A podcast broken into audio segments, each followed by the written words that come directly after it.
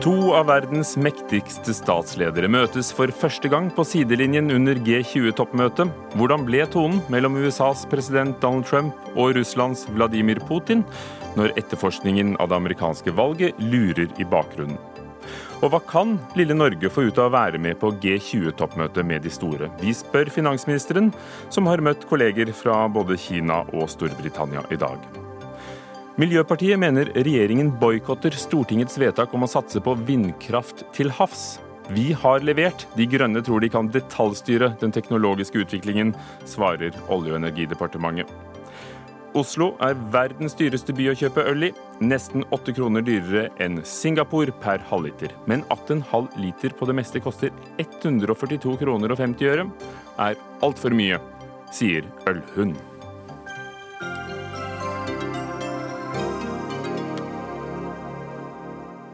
Velkommen til Dagsnytt 18 med Hugo Fermariello i studio. I dag håndhilste Vladimir Putin og Donald Trump for første gang. Og i ettermiddag satt de to presidentene seg ned i et møte uten en offentlig dagsorden.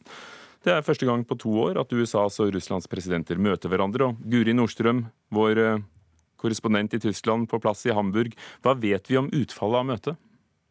Eh, utfallet av møtet mellom eh, Trump og Putin har jeg ikke sett noe på ennå, men det var jo knyttet mye eh, spenning til dette i utgangspunktet. De som møttes, var jo da de to presidentene med hver sine utenriksministre og og to eh, tolker, så det var veldig få til eh, stede der.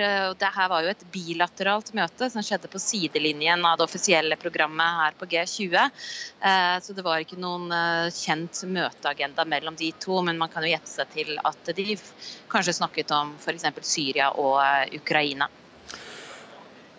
Det er jo blitt en kjent sak, dette håndtrykket til eh, Donald Trump. Ikke minst husker vi da han møtte Frankrikes president Macron, hvor Macron tviholdt på sin egen hånd for ikke å bli bokstavelig talt revet med.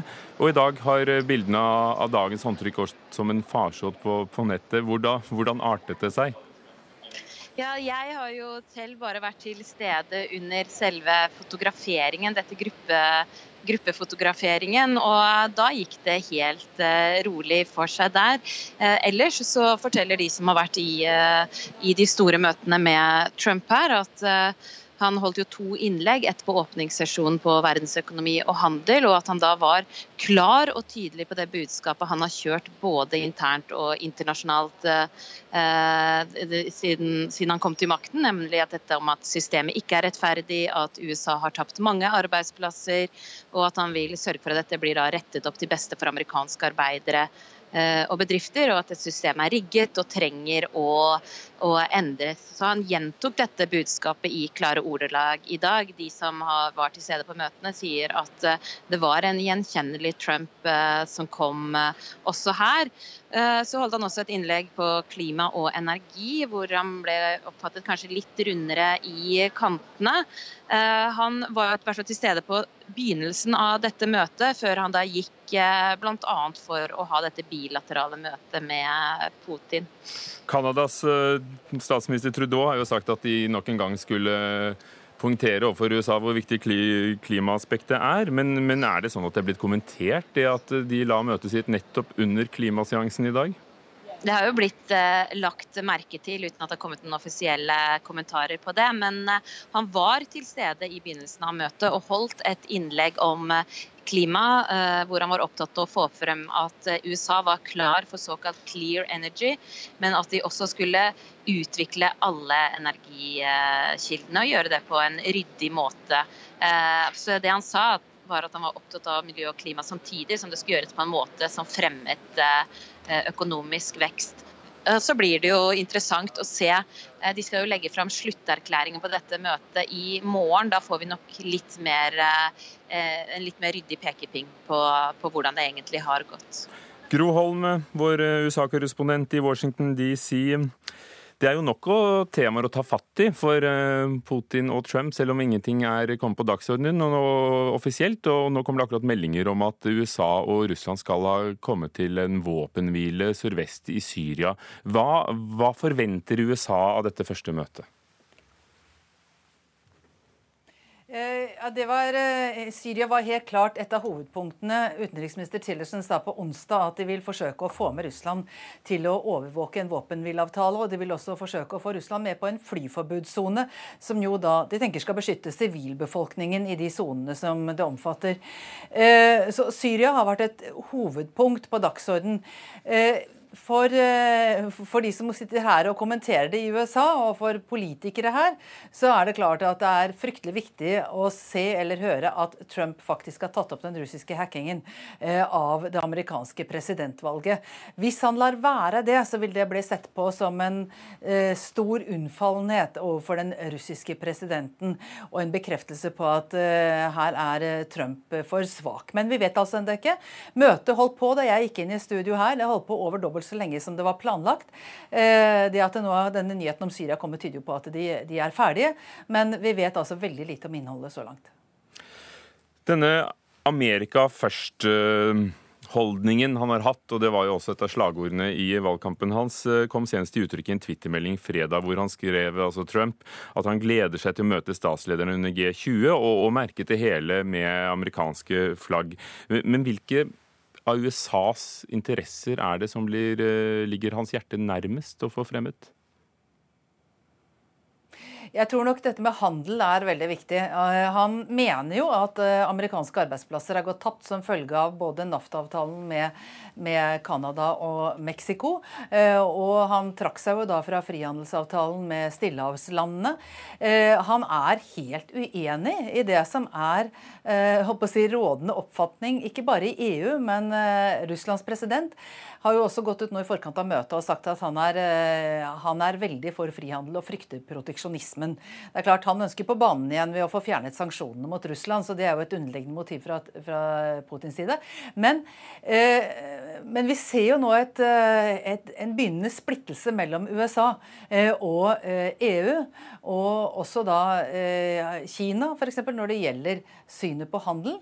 Eh, og når det gjelder synet på klima. Så det er to veldig, veldig store områder hvor eh, hvor Trump er uenig. Og eh, I det stille her i USA, i, si, i skyggen av diskusjonene om eh, helsereform og russisk innblanding, så har det foregått veldig mye på klimasiden. I, i forstand at, at, at, Obamas reformer har blitt fjernet. De har blitt nullifisert av den sittende miljøvernministeren. Så dette er noe Trump og administrasjonen mener veldig alvorlig. Guri Nordstrøm, eh, Angela Merkel åpnet eh, ballet i dag. Eh, hva la hun vekt på under G20-møtet? Hennes uh, hovedmål er jo at man skal komme til en felles uh, slutterklæring i morgen ettermiddag. Så hun uh, hadde startet med en bønn til deltakerne om å vise smidighet. Hun sa til de at vi kjenner alle de store globale utfordringene, og vi vet at tida er knapp, men vi kan kun finne løsninger når vi er villige til å inngå kompromisser.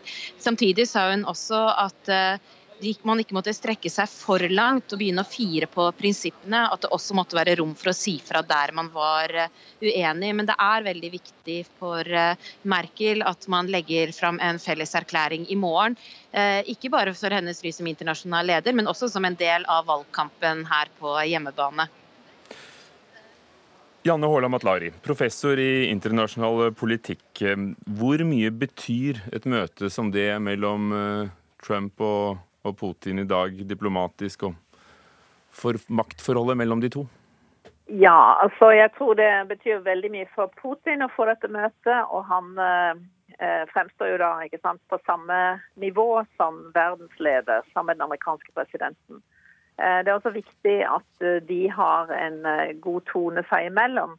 Men eh, jeg syns jo at eh, media over, eh, overdriver veldig denne personlige body language og alt dette her. Fordi internasjonal politikk er interessedrevet. Det er det som er, som er det viktige. Det er ikke personene som sådan. Men dette møtet er jo da intimt. Det er kun fire stykker til stede. Og det er jo den veldig dyktige russiske utenriksministeren Lavrov, som har lang, lang erfaring og Putin, som også har lang erfaring som president, mot eh, kan man si, to nykommere på den internasjonale parketten, nemlig Trump, som ikke kan disse sakene i annet enn veldig overfladisk grad, og da Tillerson, som er god forhandler, men som heller ikke kjenner feltet godt. Så eh, det, Men, men det, at, det at Trump unnskyld, Matlari, det at Trump klapser Putin på ryggen, og han er vel nesten et hode lavere, og, og, det legges merke til, det spiller egentlig ingen rolle? Nei, jeg tror dette er sånn, dette, dette, er sånn han gjør med alle Eh, besøkende statsledere, og det er hans væremåte. Han er jo veldig jovial og veldig hyggelig og overstrømmende. Eh, stort sett. ikke sant? Han sier dette er fantastisk, eh, og møtene er så bra, og det, dette skal bli, det skal bli utrolig fint osv. Men dette er jo talemåter, hans måte å, å, tale på. Så når det gjelder interessekonfliktene, da er det jo kanskje nettopp Syria og, og, uenighetene der, eh, og ikke ja. minst anklagene om, om, russisk innblanding i, i, amerikansk valg. Ja, det blir jo veldig vanskelig å um, ta opp det direkte, fordi alle, alle spionerer på, på, alle i det internasjonale samfunnet. Stater, tyskere spionerer på amerikanere osv. Så, videre. Så Så det er jo um, sånn at man ikke konfronterer hverandre med hvis ikke det kommer ut i media. Eh, men her er det jo eh, snakk om en stor pågående sak i USA. Så der, der må nok eh, Trump kvittere ut da, etterpå at han har tatt opp dette, men det kan jo også være på en måte som han sier dette, dette må jeg ta opp i møtet de har. Så det, det man sier utad i media etterpå, det er jo ikke du kan, du kan, ikke vite hva som egentlig har foregått i møtet. Det har jo vært antydet av kommentatorer at nettopp det du påpekte, at her har du to drevne ringrever mot to nybegynnere. Ja. Ka, kan de bli lurt, amerikanerne? Ja, altså Det kommer helt an på hvordan det møtet er forberedt av uh, de som kan, uh, kan disse, disse, her fagområdene. Og av substansielle ting så er det jo Nord-Korea og Syria som er to felt to konflikter hvor amerikanerne trenger USA. Eh, nei, unnskyld, trenger russerne. Eh, Syria så er det russerne som er hovedaktøren, og som leder an i alt som skjer diplomatisk. Eh, og USA er på en måte veldig avhengig av å få et, et samarbeid på bakken og i, luften med, med russerne der. Selv om USA kan slå til militært, så er det altså den som er som er på en måte mm, hovedaktøren militært der i lengre tid, nemlig russerne som spiller hovedrollen. Sånn, og Nord-Korea er jo da et veldig, veldig Det vil jeg si er det viktigste problemet akkurat nå. Og det er nesten uløselig hvis ikke man får en eller annen type diplomatisk løsning. Mm. For alternativet er en, en helt, eh, helt uakseptabel eh, type krig med enorm risiko. Så her er det veldig viktig at Kina legger bredsiden til, og at russerne er med og på en måte legger press på Kina, ikke bare USA. Og så får så vi kanskje aldri vite alt som ble sagt da på dette møtet mellom Nei, det blir jo en, en, polert eh, på en måte erklæring etterpå som begge land kan eh, skrive under på. Og så er det jo da å håpe at det har foregått noe reelt substansielt eh, i dette møtet, siden det bare var de få til stede. Janne Holla Matlari, som eh, professor i statsvitenskap, det var jo da møtet litt på siden av det egentlige møtet, som er G20. Og før vi, får, eh, før vi skal snakke med finansministeren som befinner seg i Hamburg, er G20 et, en viktig arena? Ja, alle steder man møtes med toppsjiktet av internasjonale ledere, så er det viktig. Fordi om man kaller det det eller det, så er dette viktig. Men når man ser på hvor mange som er der, så ser man at dette er en ekstremt svær eh, på en måte, ballett som er ute på, på parketten samtidig. Så her er det jo eh, altså her er det jo møtene i korridorene eller i marginen som, eh, som, blir de viktigste. Og den erklæringen som Merkel ønsker seg, eh, det kommer selvfølgelig en erklæring eh, med kanskje nokså intetsigende innhold, men hun har jo det eh, vertsansvaret, og hun må selvfølgelig trekke i land et vellykket møte, som hun kan da eh, poengtere i, i sin valgkamp. At, hun, at, her er det internasjonale, multilaterale, det, det, store diplomatiet hvor mange er med, at det fungerer enda. Det er ikke bare stormaktene som dikterer. Takk skal du ha, Janne Haaland Matlari. Ja, Siv Jensen, finansminister. Hei. Du er på farten eh, mellom det ene og det andre, og nettopp et av disse møtene eh, som, hvor du har møtt eh, Kinas minister i dag, og finansminister, og Storbritannias finansminister. Er vi da litt nærmere en frihandelsavtale med Kina? Ja, altså, Det vellykkede møtet som statsministeren hadde i Kina, så var jo grunnlaget for samtalene å gjenopprette diskusjonen om å få på plass en frihandelsavtale med Kina. Det er i Norges interesse, og det er definitivt også i Kinas interesse. Dette er jo da en klubb av de 19 viktigste landene i verden og EU, og i år ble da Nederland og Norge invitert med av vertslandet Tyskland som observatører. Opplever du det som viktig å være til stede?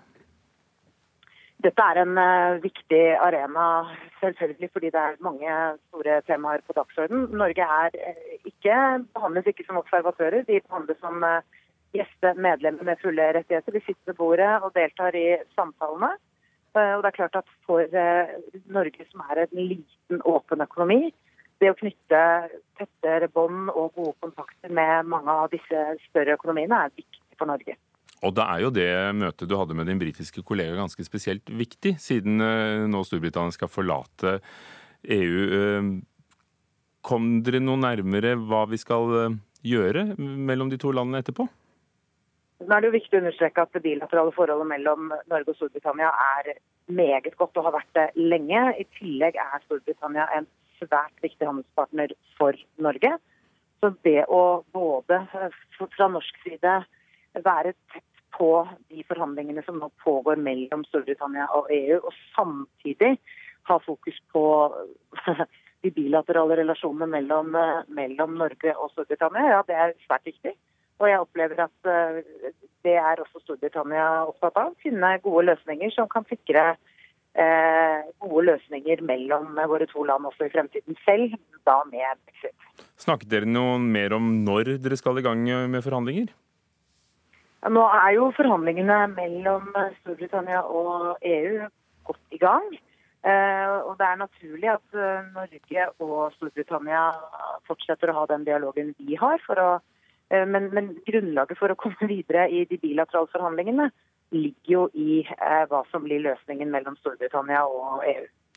Så hørte vi jo da tidligere om frontene mellom nettopp Trump og USA og Angela Merkel når det gjelder synet på ikke bare tiltak for klima, men frihandel. Er det sånn at det er, det er lurt for oss, som du sier, en liten økonomi, å gjøre felles sak med Tyskland?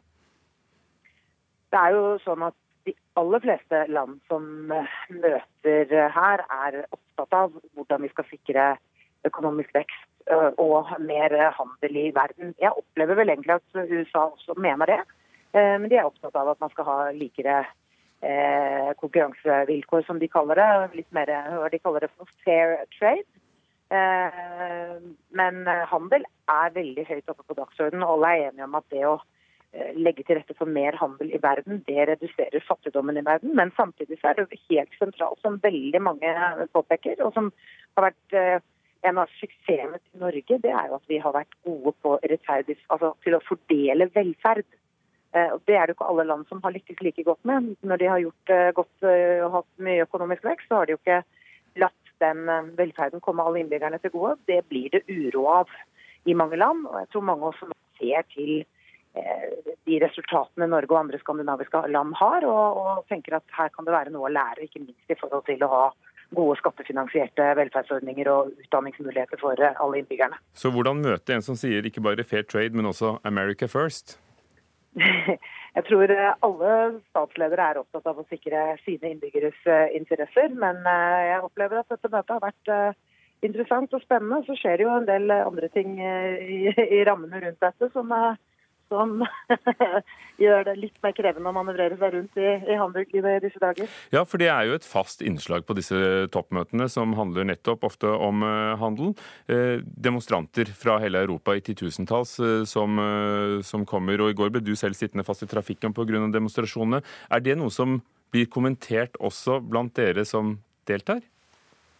Jeg tror vi er helt tydelige på at det å demonstrere er en del av demokratiet. Det vi vel kanskje ikke syns er like flott, er den mer militante formen enkelte her velger, som er voldelig og ganske brutal. Hvor man går løs på uskyldige menneskers eiendom, setter biler i brann osv. Det er jo ikke akseptabelt i det hele tatt. Og det er så langt unna demokrati som du får det. Men dette er altså svært militante, venstrevridde eh, mennesker rundt omkring i verden som har det som hobby å reise rundt og lage bråk. Og som du sier, det er mange andre demonstranter også. Siv Jensen, hva, hva skal du i kveld? Du, nå skal vi uh, først på en hyggelig konsert, og så skal jeg ha en arbeidsmiddag sammen med finansministrene i G20. Takk skal du ha, finansminister Siv Jensen.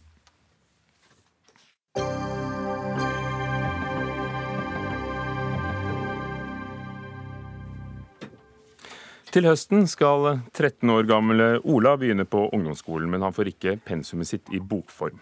Frem til nå har han fått alle pensumbøkene sine med blindeskrift. Selv om skolen mener han trenger bøker på ungdomsskolen, så har altså statens eget organ eh, ikke klart å lage alle til tide, men de kommer nå til å lage fire til, til Ola.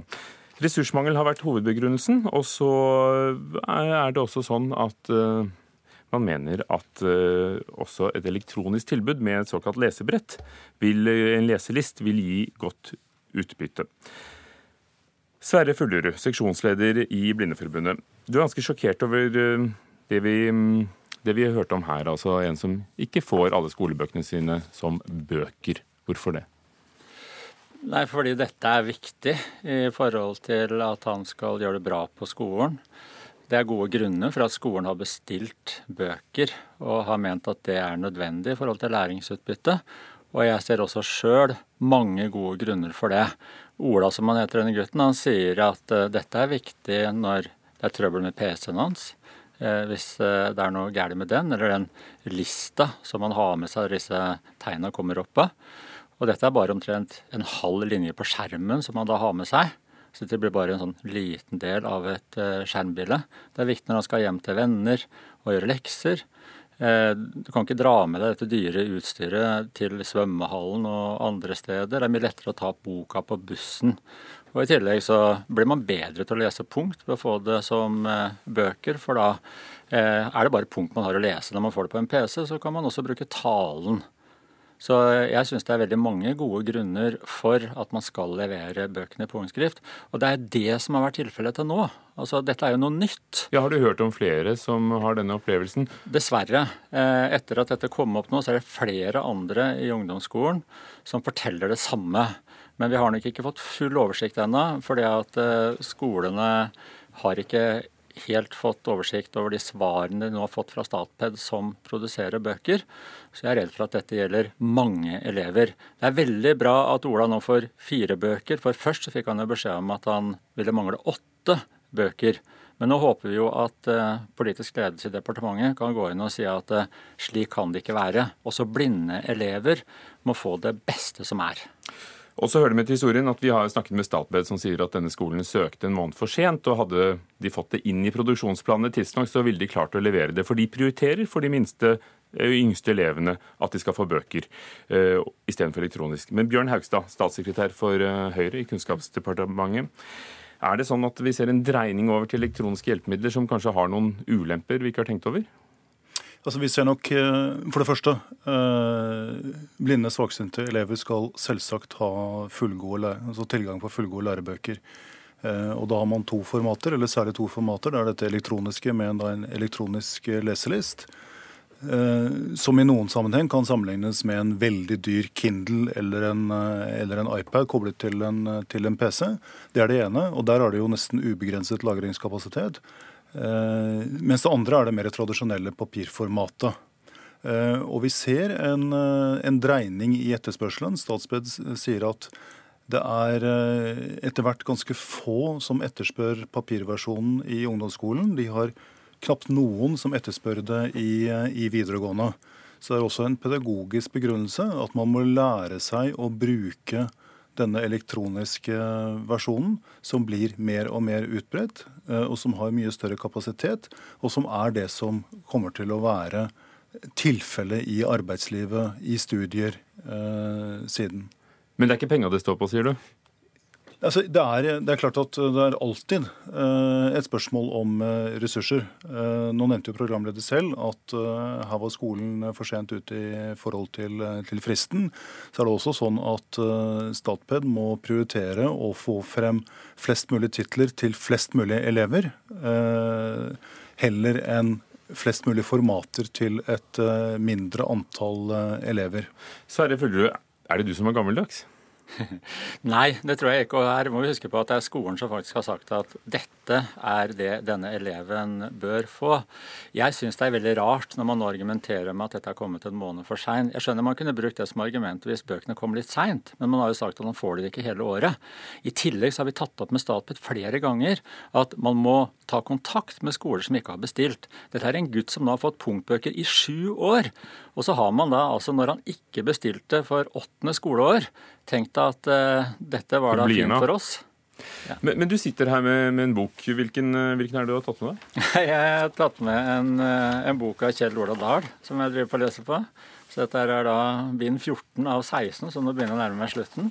Så jeg, det, dette heftet som er som et litt tjukt notehefte i A4-format, med da punktskrift, det ser helt hvitt ut herfra, med, med reliefer i punktene, ja. det det trenger du i 16 da, for å ja, få en vanlig roman. Men, men, er ikke eh, det nesten mer upraktisk for en, for en syvendeklassing å dra på enn litt elektronisk utstyr som rommer alle bøkene? Eh, det er mange sammenhenger du ikke kan ta med det elektroniske utstyret. Og så tar du jo ikke med alle eh, heftene. Du tar med de du leser på. Når det f.eks. er prøver og andre ting, så tar du med de alle aktuelle heftene. De legger du i sekken. Eh, jeg har sjøl gjort det da, jeg gikk på skole, det er mange år siden, men eh, det er ikke noe problem. Eh, så, så, dette mener jeg at dette må man tilby når det blir etterspurt. Det har man gjort tidligere. Hva gjør det med lesegleden å ha den på den måten du har den her? Nei, jeg leser mye mer når jeg har den tilgjengelig på papir, enn hvis jeg har den på PC. Eh, og det er jo ikke noe enten-eller her. Altså Det at en 13-åring skal begynne å forberede seg på arbeidslivet, og dermed få dårligere læringsutbytte ved at han da ikke får den mest effektive måten å få tilegna seg pensum på, det syns jeg er et elendig argument. Man skal ikke ofre resultatene på skolen eh, fordi man da legger det inn som et viktig poeng. Så min sterke oppfordring til eh, departementet er at man må se på dette en gang til. I mai så var det en debatt ja, ja, hva, hva, ønsker du da? Fordi Statped leverer jo det de skal, men jeg ønsker at alle skoler som bestiller punktbøker til sine elever, skal eh, få det. I mai så var det en diskusjon på Stortinget der alle partiene var enige, inklusive statsråden, at nå må vi gjøre det bedre for synshemmede elever. Og Det første svaret er altså at man gjør det verre for uh, punktelever. Bjørn Hegstad, kunne dere, kunne dere styrt litt mer og fått litt mer automatikk i dette her? Jeg tror det er et uh, stort poeng at dette skal være en faglig vurdering, ikke først og fremst en politisk vurdering i hvert enkelt tilfelle. Det som er en politisk uh, vurdering, er at alle elever som har behov for det, skal ha tilrettelagt. Selvsagt skal de få et uh, tilgang til lærebøker som er av samme kvalitet, som gir samme læringsutbytte som seende elever. Men så hevder altså Blindeforbundet at de får flere rapporter om at det ikke alltid skjer i tide, uvisst om det er den ene eller andre grunnen som ligger bak. Men der uh, er det rett og slett, som jeg sa, der er det et stort teknologiskift på gang. Det er altså ingen i videregående skole som etterspør gammeldagse papirversjoner. Så denne eleven i tråd med alle andre elever i skolen, skal jo forberedes på et arbeidsliv, skal forberedes på videre studier. Han, eh, i dette tilfellet han, skal eh, helt sikkert gå videre på videregående skole, enten studieforberedende eller, eh, eller yrkesfag. Der er det dette elektroniske hjelpemiddelet som Men for de små, mindre elevene, yngre som han er, så anerkjenner altså Statped at det er viktig med papir. Burde de hatt mer automatikk i bestillingene og ikke, ikke la det være opp til skolene? At det kunne vært mer sentralstyrt? Der sitter jo Blindeforbundet i eh, brukerrådet til, eh, til Statped. Så Der antar jeg at dialogen mellom eh, Statped og, eh, og Blindeforbundet kan gå godt uten, eh, uten vår, vår, hjelp. Det kan jo høres ut med at dette er en åttendeklassing, kan høres ut som det har vært et skoleskifte. Og at det kan være en glipp i overgangen. Det kan helt sikkert alltid bli bedre. Men, men, la oss høre. Kunne, kunne, dere presset på mer når dere sitter i brukerrådet? Ja, vi, vi, har presset på mange, vi har presset på mange ganger. Vi har tatt opp dette problemstillingen, særlig i forbindelse med skoleskiftet har vi oppfordra Statped til å være mye mer aktive og ta kontakt med skolene, så ikke slike ting skjer. For det, for det, det at man har vært sein til å bestille, det har, det har, skjedd tidligere. Nettopp fordi at man skal til en ny skole. Eh, og nå har altså den skolen som den eleven går på, bestilt bøker. Og da syns jeg bare man skal si når de vurderer at det er det han helst bør ha, ja, så skal han få det. Så jeg synes at her er det smålig at man ikke da sier at han skal få alle de bøkene han har bestilt, og det samme skal andre elever. Vi sitter også med andre tilbakemeldinger som ikke får punktbøker nå i høst, som er bestilt. Jeg tror jeg kommer til å, å, stanse dere der og ønske god lesning på den ene eller andre måten. Og, og, fire bøker er i hvert fall på vei til denne eleven, og så får vi ta saken eh, ved neste korsvei. Takk skal dere ha. Sverre Fullerud, seksjonsleder i Blindeforbundet, og Bjørn Haugstad, statssekretær i Kunnskapsdepartementet.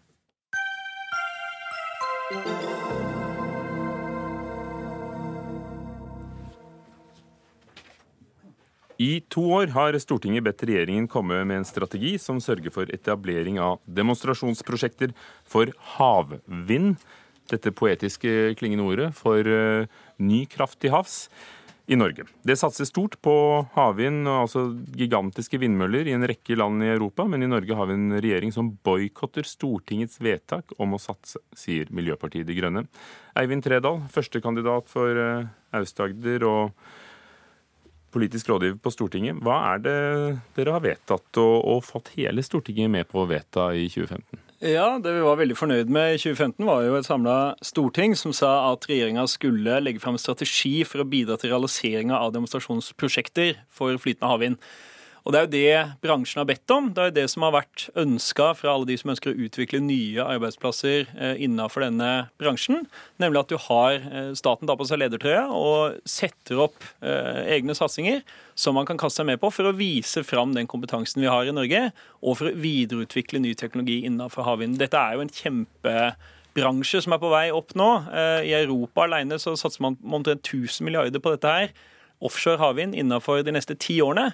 Så det er noe Norge er nødt til å kaste seg på og konkurrere om både de arbeidsplassene og den kompetansen og teknologien som kommer til å bli utvikla der.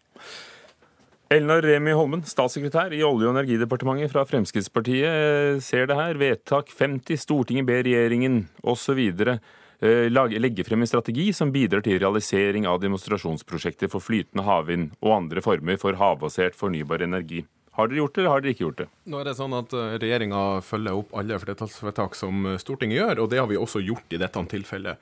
Denne regjeringa har styrka Enova med, med 2,7 milliarder i økt støtte, som de kan bruke til fornybare prosjekter, også innenfor havvind. Det var, eh, det var en, lagt frem en ny energimelding i 2015, og vi i, etter, på, i den kant har også lagt frem en ny avtale med Enova, hvor at man, hvem som helst som jobber med havvind i dag, kan søke om å nettopp bygge prosjekter for havvind og utvikle teknologi for flytende havvind i Norge. Så regjeringa har levert på dette. Så jeg tror MDG er nødt til å, komme seg litt ut av Oslo-gryta for nettopp å se på de aktørene som arbeider med dette. Fordi vi, for, for programleder, vi har faktisk en verdensledende industri i Norge som fokuserer på havvind. La meg bare nevne eksempelet Statoil, som må jobbe med Hywind-prosjektet og andre prosjekter rundt om i Europa og verden. Og DNV og Aibel, som f.eks. har vært levert utstyr på havvind til, Men det, til Tyskland. Der sa du det, Holmen. Rundt om i Europa og verden. Ser du noe demonstrasjonsprosjekt i Norge?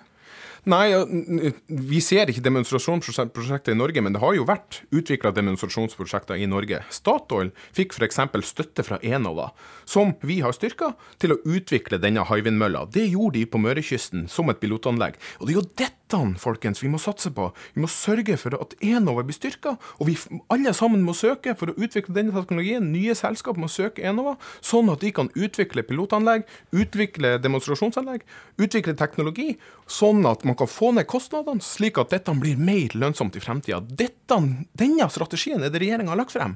Og dette ser vi resultatene av.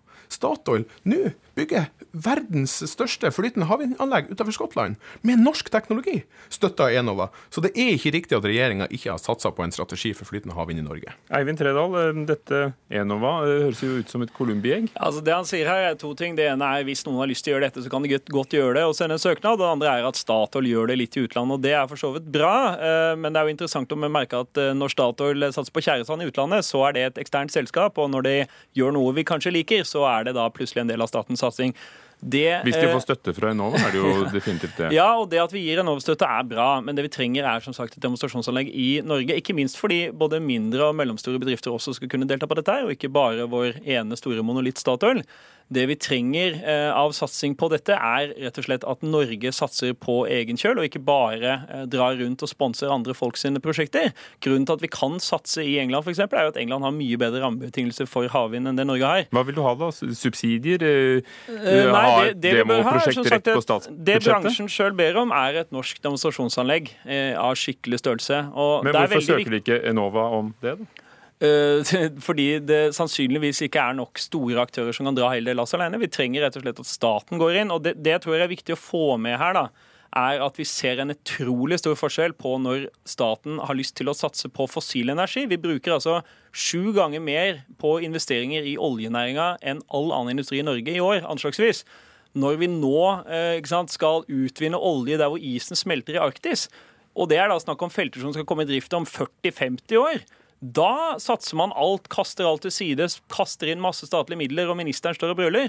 Når det kommer til de tinga som jeg er helt enig i, deler engasjementet fra min motdebattant her, men gjennomføringa mangler. Og da står man altså litt med hendene i lomma og håper at noen gjør noe, istedenfor å gå foran. Og det er veldig skadelig for Norge. For disse arbeidsplassene her det er det vi bl.a.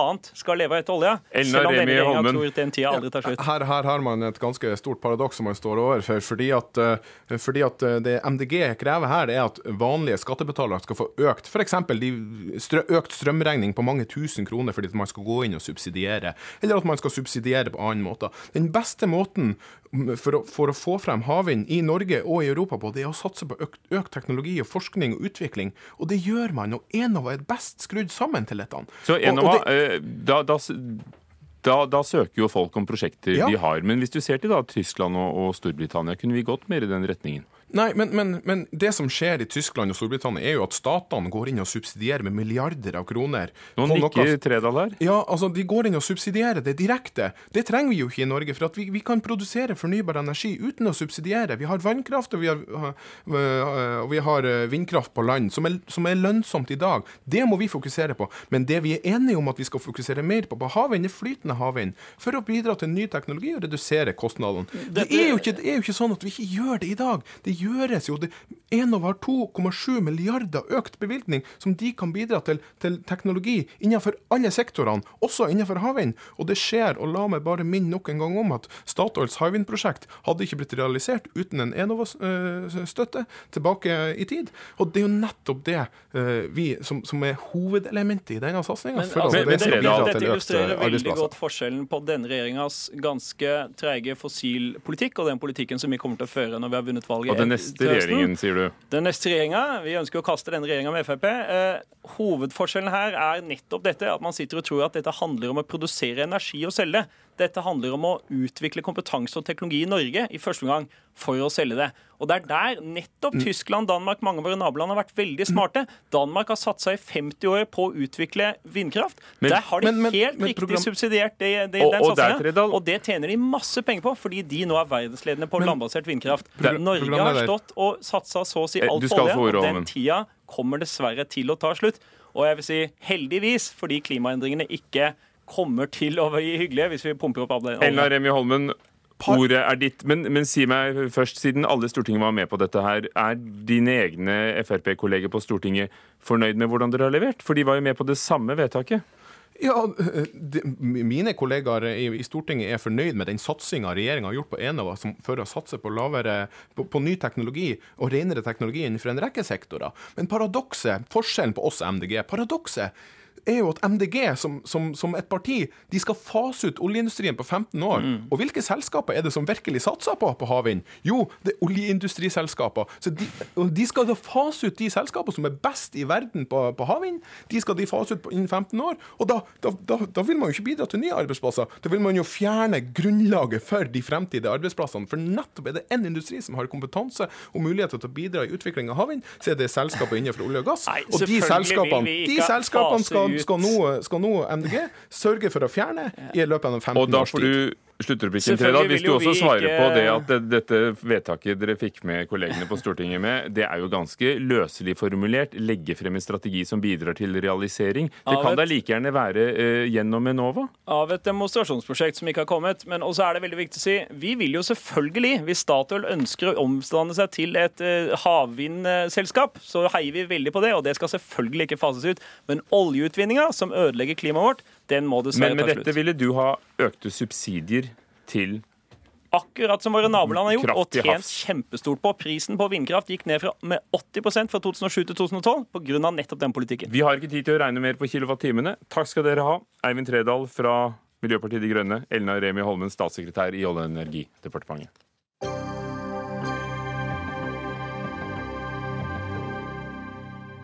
Det skal handle om nettopp pris, denne gangen på øl. Deutsche Bank har regnet seg frem til at Oslo er verdens dyreste by å kjøpe øl i. Det gjenga Dagbladet for en stund siden. Og prisen på halvliteren er nesten åtte kroner dyrere enn nummer to på listen, som er Singapore. I dag presenterer Aftenposten en gjennomgang av ølprisen i hovedstaden, og på toppen av listen står hotellet The Thief, eid av Petter Stordalen, som ligger på Tjuvholmen i den gamle havnen. Der koster en halv liter øl 142 kroner og 50 øre. Espen Smith, du er forfatter av en bok om øl. Du er en av Norges fremste ølkjennere. Hva synes du om prisen? Nei, den eh, både irriterer meg og provoserer meg.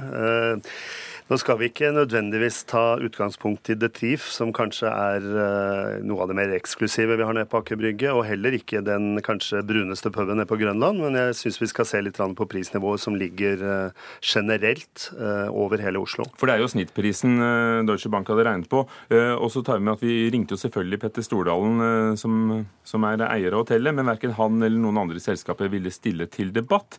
Men de skriver det er kostbart å drive uterestaurant på Tjuvholmen, og leieprisen er høyere enn andre steder i byen, og gjestene har ikke reagert på prisen. Og, og det er vel et bevis på at det man betaler for, er jo ikke bare det glasset med drikke, det er et sted å sitte. Ja, det er hele opplevelsen, og det skal vi ikke se bort ifra. Nå er kanskje ikke The Thief det stedet vi forbinder med det billigste, rimeligste industriølet, som faktisk er testet. Det vi snakker om i denne testen som står i Aftenposten i dag, er jo bordøl, altså folkeølet. Det man setter på bordet og samler seg rundt med den gode samtalen og eh, den sosiale opplevelsen, det gode samværet.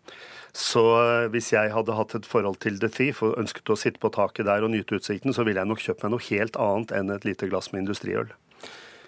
Bente Bratland Holm, direktør for Visit Norway. Er du enig i at uh vi har høye ølpriser her. For høye. Eh, vi har høye ølpriser, det har vi. Men om de er for høye, det vet jeg ikke. Og Hvis vi går litt tilbake til det det var snakka om innledningsvis med The Thief, så jeg tror hadde du sittet på et like eksklusivt sted i hvilken som helst annen storby i Europa, så hadde det kosta minst det samme. Eh, og sånn er det vel litt eh, rundt omkring, at du må betale for å være i de rette omgivelsene. Så akkurat det at det kosta 142 kroner på The Thief, det må du regne med. Og det vet men, men, de som kommer Men snittprisen er altså dyrest i verden? Snittprisen er dyrest i verden. Nå representerer jo jeg de som skal komme inn hit på ferie. Og hva eh, sier de til deg? Du var jo turistsjef i Oslo i mange år også. Absolutt. Det er klart det. det, det to, vi må skille mellom to ting her. For det er klart at Går du og spør enhver turist på gata og sier syns du ølprisen er høy? Ja, vil de si. Eh, spør du meg syns du ølprisen er høy? Ja, det vil Men det handler om den totale opplevelsen. Det kommer ikke færre eller flere til Oslo pga. ølprisene. Det er jeg ganske så sikker på. Hva tror du, Espen Smith? Nei, Jeg syns det er frekt å ta seg så godt betalt for noe som er nesten 90% vann. Men hvilken effekt har det? da? Det er vanskelig å måle den effekten, tror jeg, men det er ikke tvil om at når du er på ferie, så skal du ha en kopp kaffe, du skal ha en iskrem og du skal ha et lite glass møll. Og eh, det at man skal sko seg på det rimeligste produktet som finnes der ute, nemlig den industrielle, lyse, lette lagerølet, det syns jeg er veldig unødvendig. Jan Vardøen, restauratør og, og gründer blant mange utesteder i hovedstaden. Er øl i Norge og i Oslo dyrt? Um, ja, både òg. Altså, man gjorde en undersøkelse i Frankrike og fant ut at franskmenn måtte jobbe uh, lengre for å kjøpe en flaske vin enn vi her i Norge. Liksom. Så alt er, alt er relativt.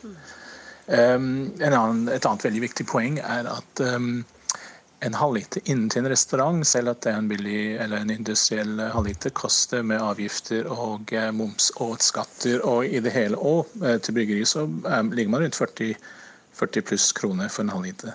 Men skor du deg på øl? Uh, jeg gjør ikke det. Altså, vi, har, vi, tar 82 kroner halvliter fra oss, så vi prøver som de fleste å finne en pris som uh, vi kan leve på, og kunden kan uh, leve med.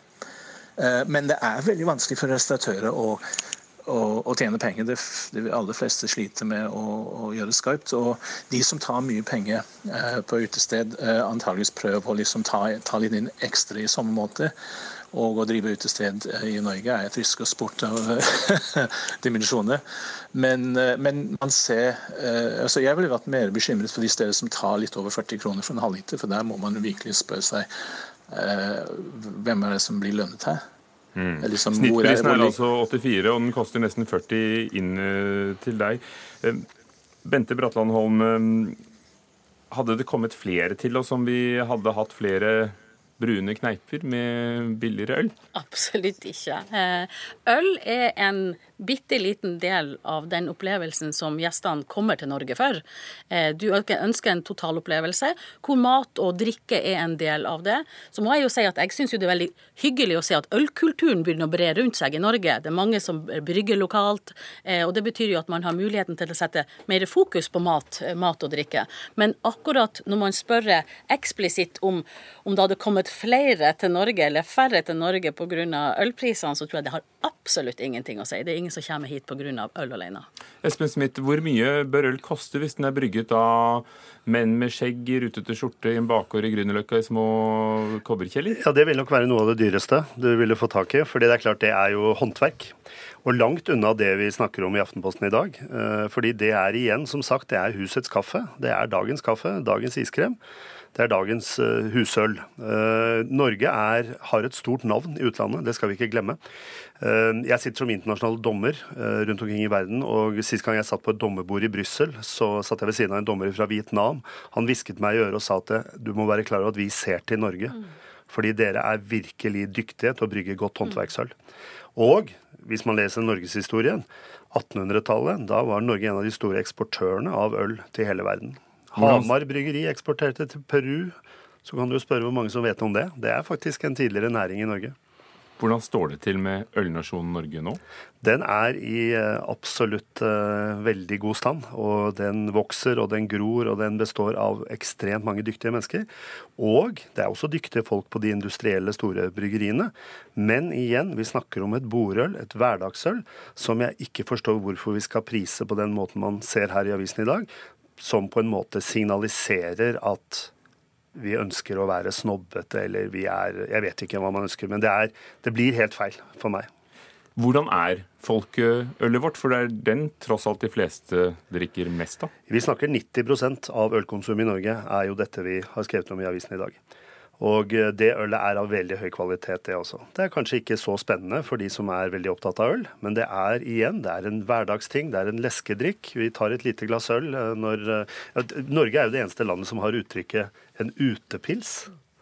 Og det skal vi være litt stolte av. Vi setter oss i solen med en øl, vi. Jan Vardøen, eh, opplever du økt interesse for håndverksølet? Jeg driver også et mikrobryggeri selv, Grünerløk brygghus, og jeg er midt oppi det. Ja, ja. Eh, eh, det fins per i dag rundt 230 pluss eh, byggeri som er poppet opp. Og det er en voldsom økning fra ti år siden hvor vi kun hadde to-tre store aktører. Så det er en veldig veldig flott uh, utvikling, kan du si. Og du skal si tilbake til Oslo på 1800-tallet, som Espen nevnte. Det var flere hundre byggeri. Og vi er egentlig på vei tilbake til dit vi var en gang. Uh, så det, si, utvikling er, er ekstremt positiv, og kvaliteten er veldig, veldig høy, og interessen er stor. Og uh, vi får stor oppmerksomhet i utlandet. så så jo, eh, hvis man skal eh, ha et hånd, håndverksøl, så er bryggesav med i skjegg på Grünerløkka, absolutt. Og det koster veldig mye å lage det, og råvarene er dyre. Hvis man skal drikke en, en vanlig halvliter ute i solen, så ja, man betaler eh, akkurat som på en flott kafé i Venezia f.eks. altfor mye for en, en, en, en god kald pils på, på en flott, flott, sted. Men kan du Men, sammenligne Olaf Ries plass med, med Markusplassen? Å oh, ja, absolutt. jeg tenkte mer på det Thief, uh, uh, faktisk. Men, men hvis jeg skal drikke ti halvliter, som er mange år siden sist, men uh, hadde jeg dratt til gamlebyen. Jeg hadde ikke dratt på det Thief. Nå ble det lokalt, men, så... men, i alle byer så, så, brygges det jo nytt øl. Men, men hvor mye Smith, burde folkeølet koste? Nei, det er vanskelig å si, men det, er ett poeng bare for å følge opp det Jan sier her. For, for jeg bare legger til, Det er jo ikke mye som Vardøen sier, igjen til lønninger og drift i, i, i et land som allerede er kostbart? Nei, det er ikke tvil om. Og eh, Derfor så tror jeg nok at de prisene som Jan representerer på Løkka, er ganske fornuftige. Eh, fra en sånn 60 til en 85 kroner, der tror jeg det er veldig mange som ligger i dag med en fornuftig husleie og fornuftige lønninger osv. Nå har du en, en f.eks. bare noe så eh, Går du bort til en disk i dag og bestiller deg en halvliter øl, så, eller et glass øl, så får du ofte ikke et svar engang. De bare trykker på en knapp. På syv sekunder så renner ølet oppi et glass som allerede står der. Og før du vet ordet av det, så har du fått en betalingsautomat foran deg, en terminal, hvor det står 'vennligst tast inn tips'. Og da lurer jeg på, hva er det vi betaler for? Er det opplevelsen? At en person som står bak disken, er i stand til å trykke på en knapp, og så etterpå sette fram en terminal og be om tips for den jobben? Det får bli en annen skål en annen gang. Bente Bratland eh, Holm, er det en tendens til at eh, priser går opp i sommersesongen? Eh, ja, noen plasser så er det vel det. Altså, når vi skal ta den berømte utepilsen, eh, så, skal jo, eh, så, skal man jo, ha den opplevelsen som det er å sette ute. Eh, stort sett så er det vel greie priser, altså stort sett så er det samme prisene for de norske produktene eh, hele året. Det, det samme.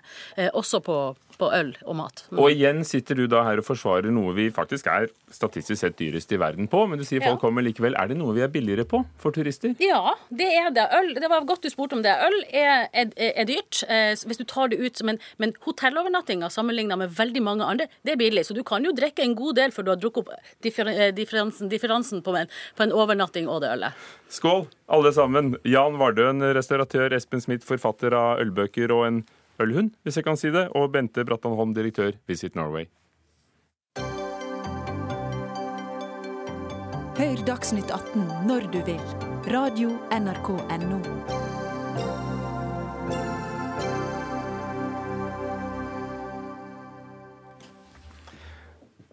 Empati, er det en udelt positiv egenskap for oss mennesker? Eller forkludrer denne evnen til medfølelse og vår rasjonelle, logiske tanke?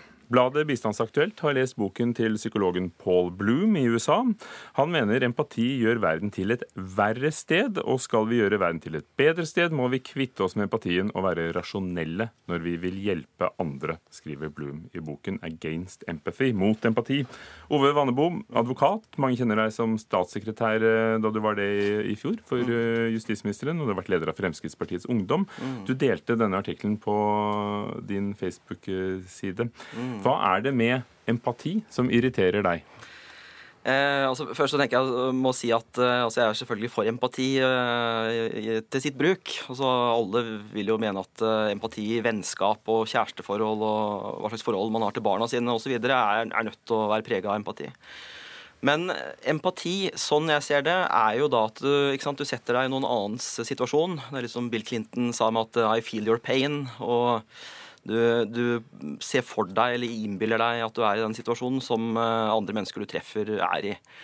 Eh, og Det er klart at det kan jo virke som et veldig sympatisk konsept, og, og det kan være det, men det har en del ulemper. Eh, det ene er at ofte så vil man ha empati med det man ser og er i kontakt med, altså det veldig synlige.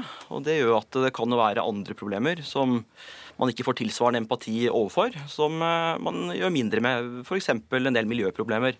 Og når blir dette et problem politisk? Eh, det som eh, kan bli et problem, er jo da hvis man kun blir opptatt av det som vekker oppsikt, det man er i kontakt med, det man har et veldig engasjement for. Sånn at man bruker penger feil, kanskje hjelper færre mennesker fordi man blir så opptatt av å gi til bestemte prosjekter.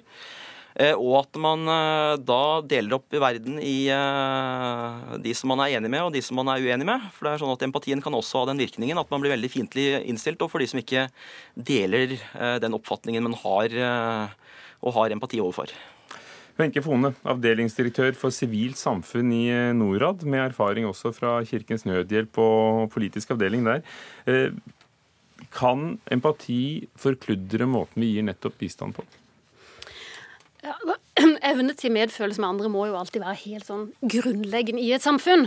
Men det vil jo aldri være en veldig sånn presis markør uh, for å definere bistandsprosjekter, og er det heldigvis heller ikke. Og det finnes nok eksempler på at empati, hvis det kunne empati, uh, kan være ødeleggende. Men jeg vil jo mene det at uh, det ofte kan være dumskap mer enn empati. Hvis man f.eks. er i et fattig land, ser 100 fattige barn og gir tusenlapp til den ene. Så kan man si ja, kanskje litt empati, men aller mest dumskap. Og det er jo ingen norske bistandsprosjekter som heldigvis er i nærheten av så dårlig kvalitet. Mm. Ja, nei, altså Jeg er veldig glad, glad, hvis det er sånn, eh, men, men samtidig så er det jo eh, noen tilfeller man i hvert fall kan begynne å lure litt. Eh, og, og Hvis man da ser igjen på Bistandsaktuelt, som tok opp denne saken, Eh, jeg tror det var i samme nummeret av Bistandsaktuelt hvor denne boka til Bloom ble tatt opp, så viste man resultatene fra bistand til Palestina. Og Konklusjonen etter at Norads evalueringsavdeling har sett på Palestina-bistanden, er at den stort sett er mislykka. Eh, og igjen så må jeg ta en del forbehold om at det kan være faktorer jeg ikke kjenner til. Men det vi vet er at det er jo veldig mange som er kjempeengasjert i eh, Palestina-saken. Også med god grunn. God grunn til å ha sympati med det palestinske folket. Men det kan jo også eh, igjen ha den effekten at man blir så opptatt av at her skal man gi penger, her skal man sette inn masse ressurser. Og så overser man da hindre for å, å hjelpe mennesker. og Eh, og, og, kanskje da igjen blir mer opptatt av at man skal vise uh, empati fremfor da å oppnå resultater. Og bare så Det er sagt, det er for at man skal vise medfølelse, men det kan man gjøre også på en mer rasjonell måte. At man da prøver å finne ut ok, uh, hva er som er mest rasjonelt. Hva er det som kan gi best mulig effekt, gitt at man har begrensa ressurser å gi bort. For bistandsorganisasjonene spiller vel ofte på følelser når det gjelder i hvert fall å vekke folks engasjement? Altså, jeg tror at mange bistandsorganisasjoner bruker empati, medfølelse med andre, eh, som en sånn døråpner. Ikke sant? Man snakker som en lyskaster som setter blikket på noe.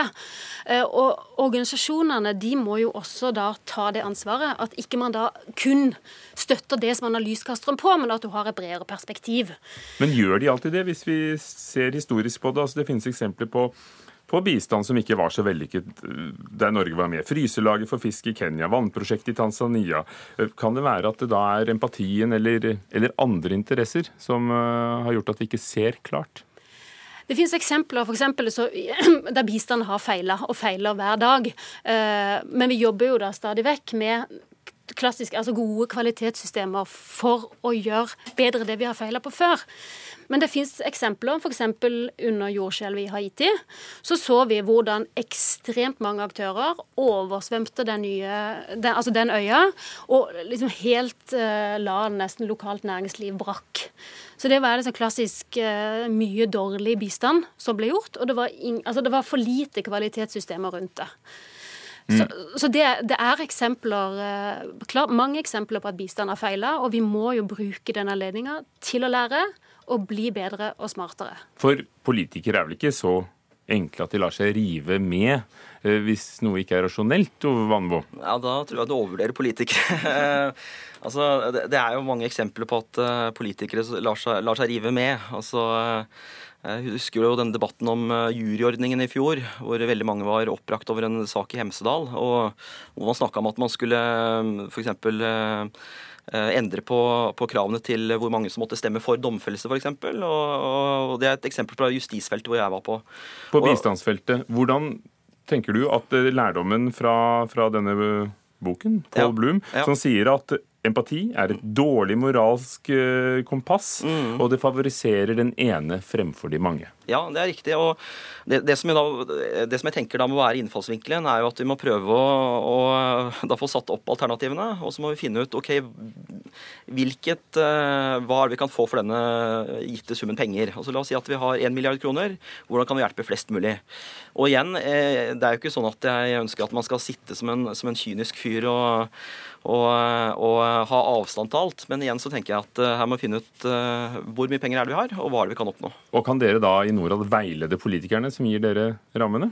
Så vi er jo et uh, fagetat og har to K-er, kvalitet og kunnskap.